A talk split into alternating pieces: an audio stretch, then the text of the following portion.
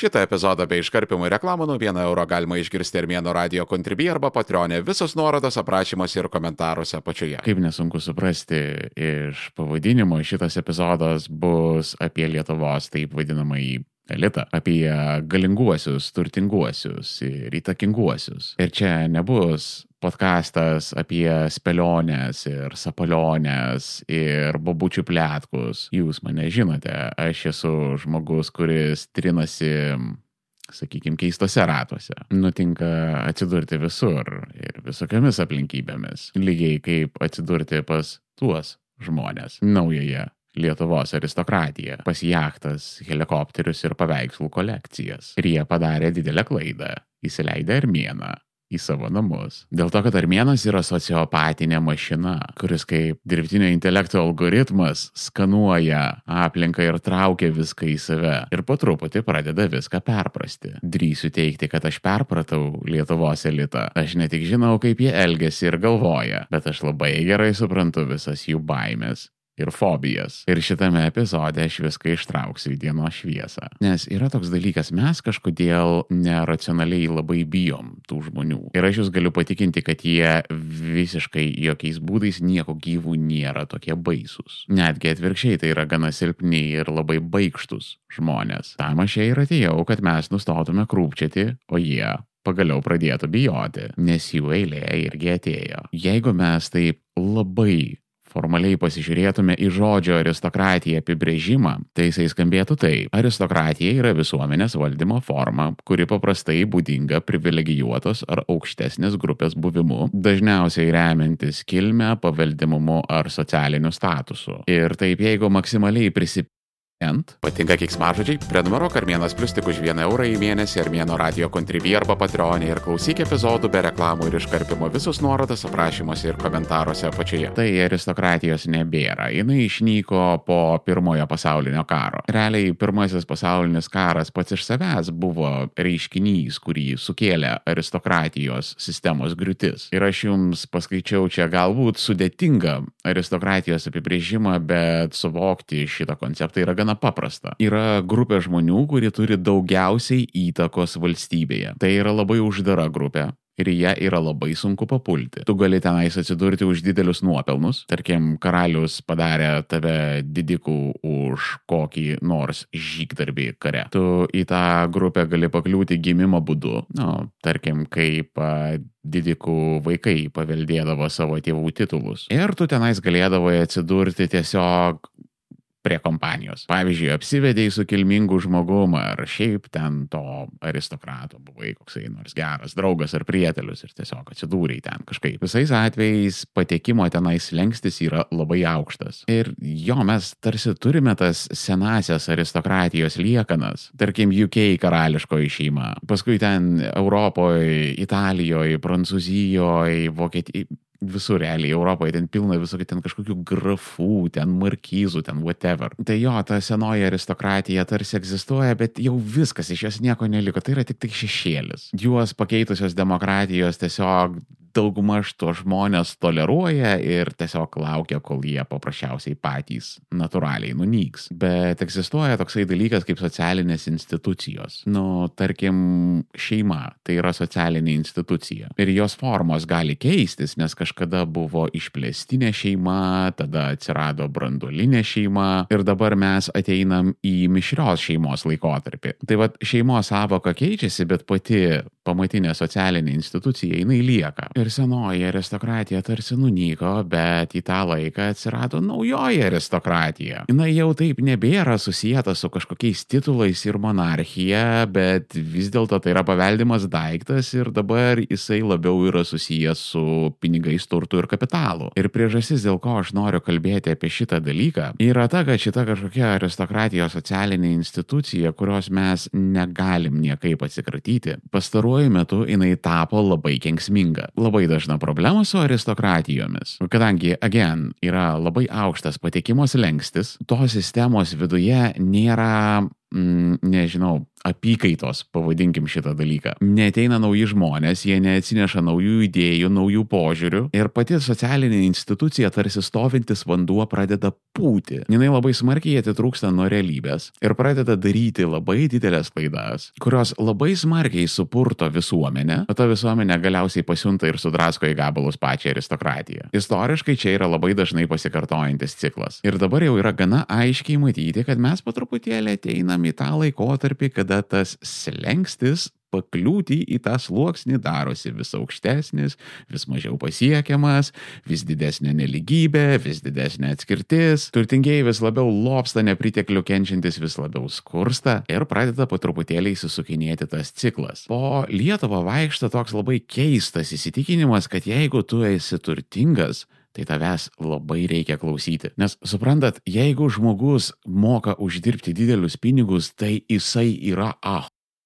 protingas. Jis yra belenkoks genijus, kokio mūsų visata nėra mačiusi. Žmogus pakėlęs mylų yra toksai virš žemės levituojanti, tokia efemerinė, eterinė, dieviška būtybė. Reikia visada jų įdėmiai klausytis, vaikščioti iš pasko susilenkus ir garbinti tą žemę, kurią jie vaikšto, nes jie, jie yra turtingi, jie užsidirbo daug labai pinigų ir visą tai jie padarė labai gilaus proto ir begalinio talento dėka. Čia vėlgi dalykas labai smarkiai susisiejantis yra su senaja aristokratija, nes tada buvo lygiai tas pats. Jie yra ten, nes Dievas juos pasirinko. Jeigu Dievas jų nebūtų pasirinkęs, jie nebūtų gimę tokiais žmonėm. Čia yra čystai tas pats. Tipo, turtai parodo žmogaus gerumą ir kuo daugiau turtų, tuo geresnis žmogus. Na, valint pasiūlysiu iškart. Tavo turtas su tavo charakteriu neturi nieko bendro. Tai yra sakyti tas pats, kas aš esu doras žmogus, nes turiu labai didelį didelio proto pinigų uždirbti nereikia. Ta prasme, tai labai padeda, bet visiškai nereikia. Pinigai tiesiog yra reakcijos ir peržiūros tik tai realiame gyvenime. Tai yra ARL klautas, kaip socialinėse medijose, kur yra algoritmas ir jeigu tu žaisi pagal tas algoritmo taisyklės, tai jisai tave kels aukštyn. Lygiai taip pat yra ekonomikoje. Jeigu tu atrasi formulę ir tu tiesiog ją pradėsi kartoti, tu pradėsi uždirbinėti pinigus. Kaip influenceriai augina auditorijas, lygiai taip pat verslininkai augina auditorijas. Klientai klientai yra jų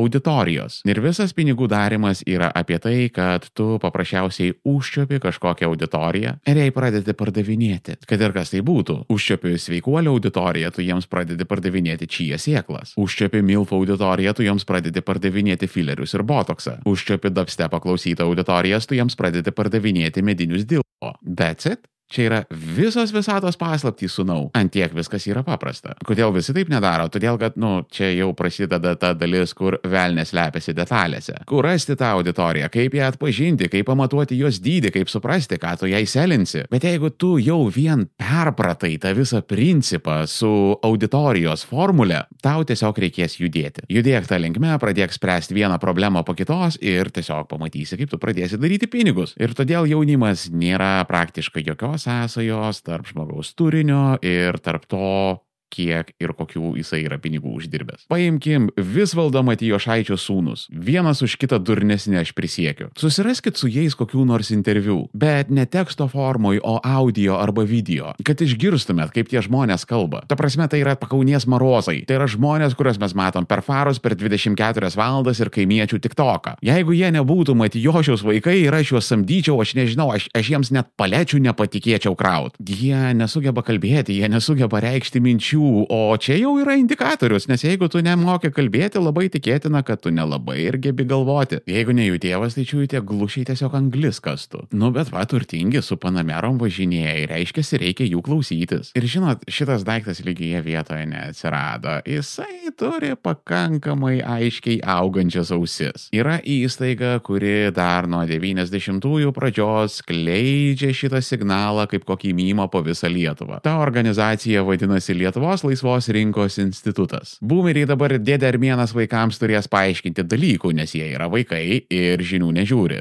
Todėl apie LLRI nieko nežino. Nors tiesą pažįstu vieną jaunuolę, kuri actually žiūri žinias. Bet žinot, nenormalių visur pasitaiko. Tai žodžiu, mėly vaikučiai, Lietuvos laisvos rinkos institutas yra tokia organizacija, kurios iš esmės pagrindinė misija šitam pasaulyje yra uostyti šlepą Lietuvos turtingiesiems. Jie ten tipo kažką tenais už laisvą rinką rinką, kažką ten už kapitalizmą, kažką tenais už verslus. Visa tai yra bulšitas, nes jie tiesiog aptarnauja elitą. Jie yra elito aptarnaujantis personalas. Ten labai dažnai dirba bukapročiai, kurių yra neįmanoma klausyti, bet tas daiktas yra žiauriai įtakingas. Mano mylimukas Matas Malteikis yra sakęs, kad tai yra įtakingiausia, nežinomiausia įstaiga Lietuvoje. Todėl, kad Laisvos rinkos institutą beveik niekas nežino, bet jie žiauriai daug įtakoja įstatymų Seime. Tie žmonės pastoviai neršia valdžios struktūroje, ten yra labai geri ryšiai su žiniasklaida, juos pastoviai kviečia į televizorių ir būtent dėl jų išsivaikščiojo va šitas va daiktas, kad jeigu tu turtingas, tai tu esi geras. Arba bent jau geresnius už tuos, kurie nėra turtingi. Galite už tai padėkoti Lietuvos laisvos rinkos instituto dalbai.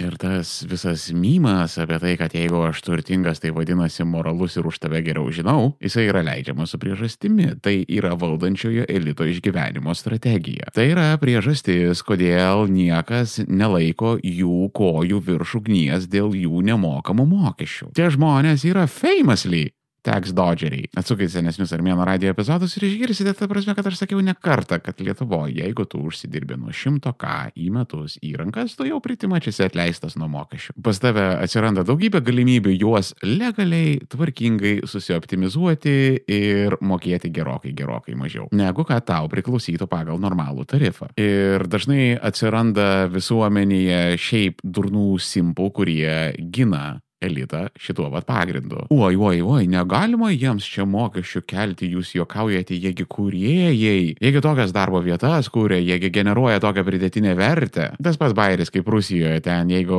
matėte, kur žmonės vaikšto gatve ir uždavinėja žmonėms klausimus, ar jūs palaikote, nepalaikote karą Ukrainoje. Ir dauguma rusų tokie, oi, aš nieko nesuprantu politikoje, aš blogai informuotas, žmonės valdžioje žymiai geriau informuoti, jie geriau supranta, jiems geriau matyti ir jiems žymiai aiškiau reikia, nereikia karo Ukrainoje. Aš čia iš viso nepričiom. Vienas ką paramos fondas jau užtiso daugybę orkų šventoje Ukrainos žemėje, bet tų orkų yra daug ir mums labai reikalinga jūsų pagalba juos pitti. Pitti orkus kartu su vienas ką paramos fondu. donate.onekfund.org arba ieškokit nuorodo komentaruose apačioje. Ačiū Jums labai. Vienas ką paramos fondas. Mes visus išpildėme. Ir čia vat, lygiai tas pats yra su turčiais Lietuvoje. O jiems geriau matyti. Jie geriau žino, jie geriau supranta, tu jiems neaiškink, ką jiems reikėtų gyvenime daryti. Iš viso tu uždirbai tiek pinigų, kiek žemelis. Tu uždirbai ką? Ką? Tu čiūtai tai Putino by kaip žemelis. Tu kišai Putino kiau savo į burną kaip Matijo Šaitis. Vat, vat kada tu padarysi, vat kaip tie žmonės, vat kada tu ap tiek žemės kaip jie, o tada ir šnekė. Į ką aš galiu atsakyti, o tu moki normaliai iškepti sprandinę šašlą. Ta prasme, kada tu sugebėsi sprandinę iškepti taip virtuoziškai kaip aš, tada mes ir pašnekėsim. O dabar netrukdyk armėnui dirbti ir duoti tavo mamą. Jeigu reikės susimokėti visus mokesčius, niekas nenorės konkuruoti ir užsidirbti daug pinigų.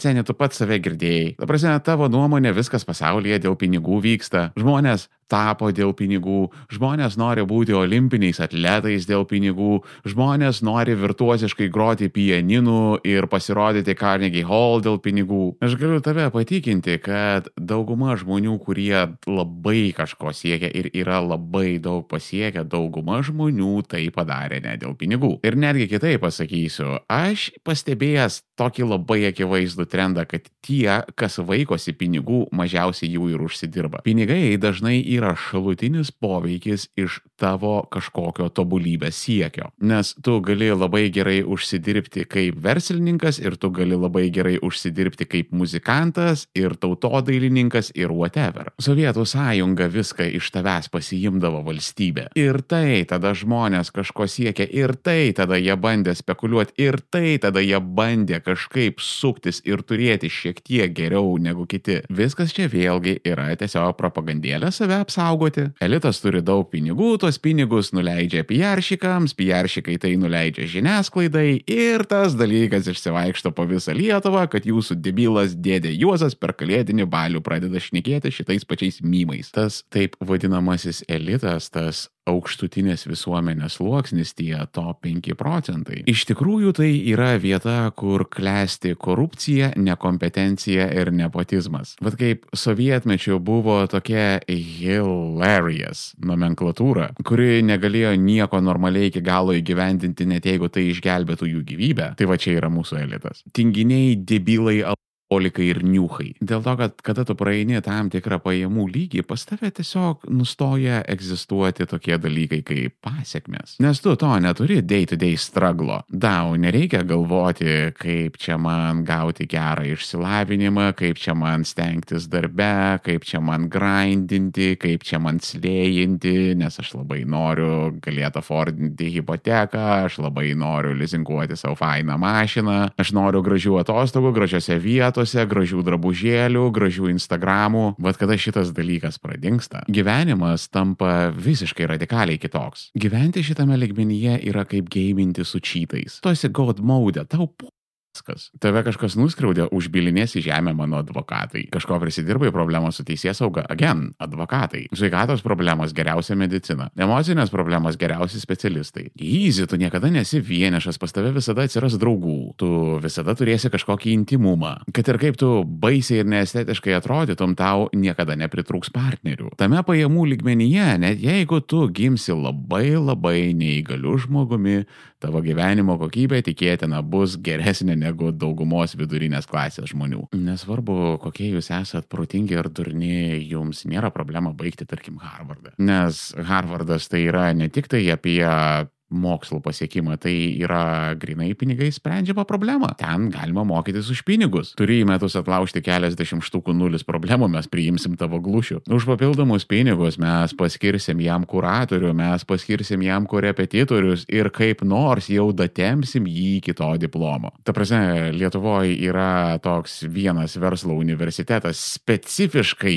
įsteigtas šitiems žmonėms. Ta prasme, įsiklausykit, jie turi savo universitetą Lietuvoje. Su darbais visiškai tas pats, tau nereikia parintis dėl karjeros. Vat prie šito įrašo paleidimą, kaip visada, pakibinau Armėno radio Instagram'e story, kur klausytojai galėjo palikti savo komentarus, pasiūlymus ir klausimus. Parašė persona. Biški pabendravom. Dirba vienoje gana žinomoje korporacijoje. Ir sako, žinai, pas mane yra vadovas. Durniausias žmogus, kokį tu matei. Ir dirba tenais tik tai dėl to, kad yra vienos finansų institucijos vieno labai svarbaus žmogaus vaikas. Tam korpui yra žiauriai aktualu geri santykiai su finansų institucijomis. Todėl pas juos sėdi ištisi departamentai žmonių, kurie yra laikomi grinai tik dėl savo giminystės ryšių su atsakingais asmenėmis iš finansų organizacijų. Man parašysio į Insta žmogaus feedbackas apie juos - grinai ikoniškiausi debilai ir idiotai, kurie vaikščiojo šitos žemės paviršiumi. Nežinai, kas yra blogiau, ar kada jie nieko nedaro ir viską nustumia tau ant galvos, ar kada jie pradeda kažką daryti ir tu bėgi iš pas paskos desperatiškai bandydamas užgesinti tą destrukcijos taką, kurį jie paskui save palieka. Mes kalbam apie žmonės, kuriems gyvenime niekas niekada neprieštaravo, kurių kasdienė patirtis yra, kada aplinkui tave visi šokinėja ir pataikauja. Ir jie visiškai nesupranta, kad tai yra netikra. Ir jie jaučiasi taip, tarsi jų šū kvepėtų levandomis. Ir tų žmonių yra kiekvienoj svarbesniai įstaigoje Lietuvoje, dėl to, kad korupcija ir nepotizmas yra elito duona kasdieninė. Ateina pas tave labai įtakingas dėdė ir sako, va, prašau, mano atžala, priimkit ją. Ir tu supranti, kad tu neturi kitos išeities, nes, nu, padarysi šitam dėdėjai labai rimtą paslaugą ir vėliau galbūt jisai tau bus koloj. Galų gale vis tiek tau su tuo nereikės dylinti. Tu tos idiotus paprasčiausiai nustumsi savo pavaldiniams ir jie taps jų problema. Todėl, kad pasaulis yra žiauriai nes nesąžiningas ir jisai veikia vad būtent šitaip.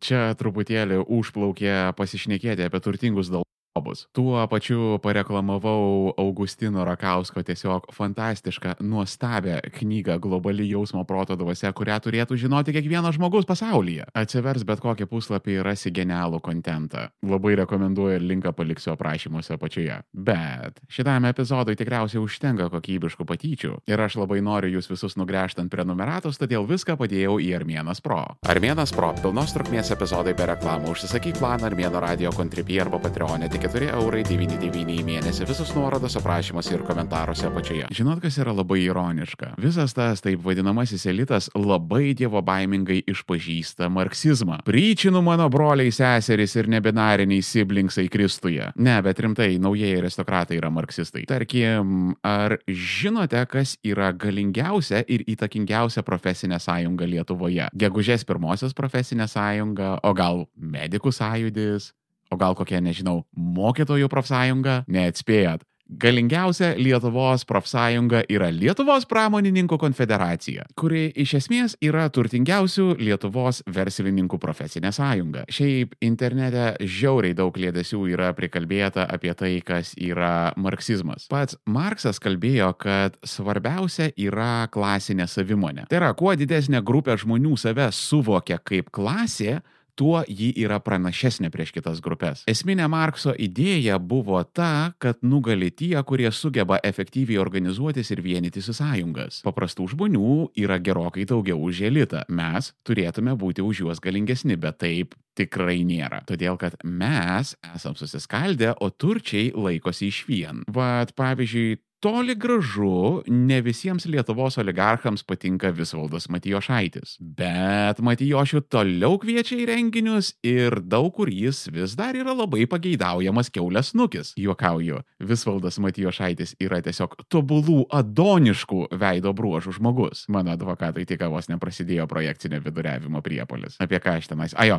aristokratija labai gerai suvokia save kaip klasę, todėl tie žmonės ir turi šitiek įtakos. Ir todėl tai viskas viskas taip yra ironiška, nes Marksas savo dalykus rašė konkrečiai prieš aristokratus. Ir patys aristokratai negali įsivaizduoti didesnio siaubo už marksizmą, bet tuo pat metu jie išgyvena išimtinai tik dėl savo marksistinės klasinės savimonės. Ir ne, tai nevyksta sąmoningai, nes elitas yra per bukas, kad suvoktų, ką daro. Bet tuo pat metu aš labai gerai šitą dalyką esu užčiuopęs, kad jie intuityviai kažkur nujaučia, kad yra labai labai silpni ir pažeidžiami. Nesvarbu, nuo ko tu pradėjai, nuo kokių tu žemumų save ištraukiai už plaukų į viršų. Laikui bėgant, tu pripranti prie gerų ir komfortiškų dalykų gyvenime. Tai vadinasi hedoninė adaptacija. Tu nepatiri realių sunkumų ir pradedi silpti - fiziškai, protiškai ir psichologiškai. Todėl, kad tie žmonės sėdi ant visko gatavo. Ypač tie, kurie yra gimę piniguose. Nes jeigu tu turi problemų, tu visada nusipirksi žmogų, kuris jie tau išspręs. Jų drabužius parenka stilistai, jų įvaizdžius ir socialinės medijas prižiūri piaršikai,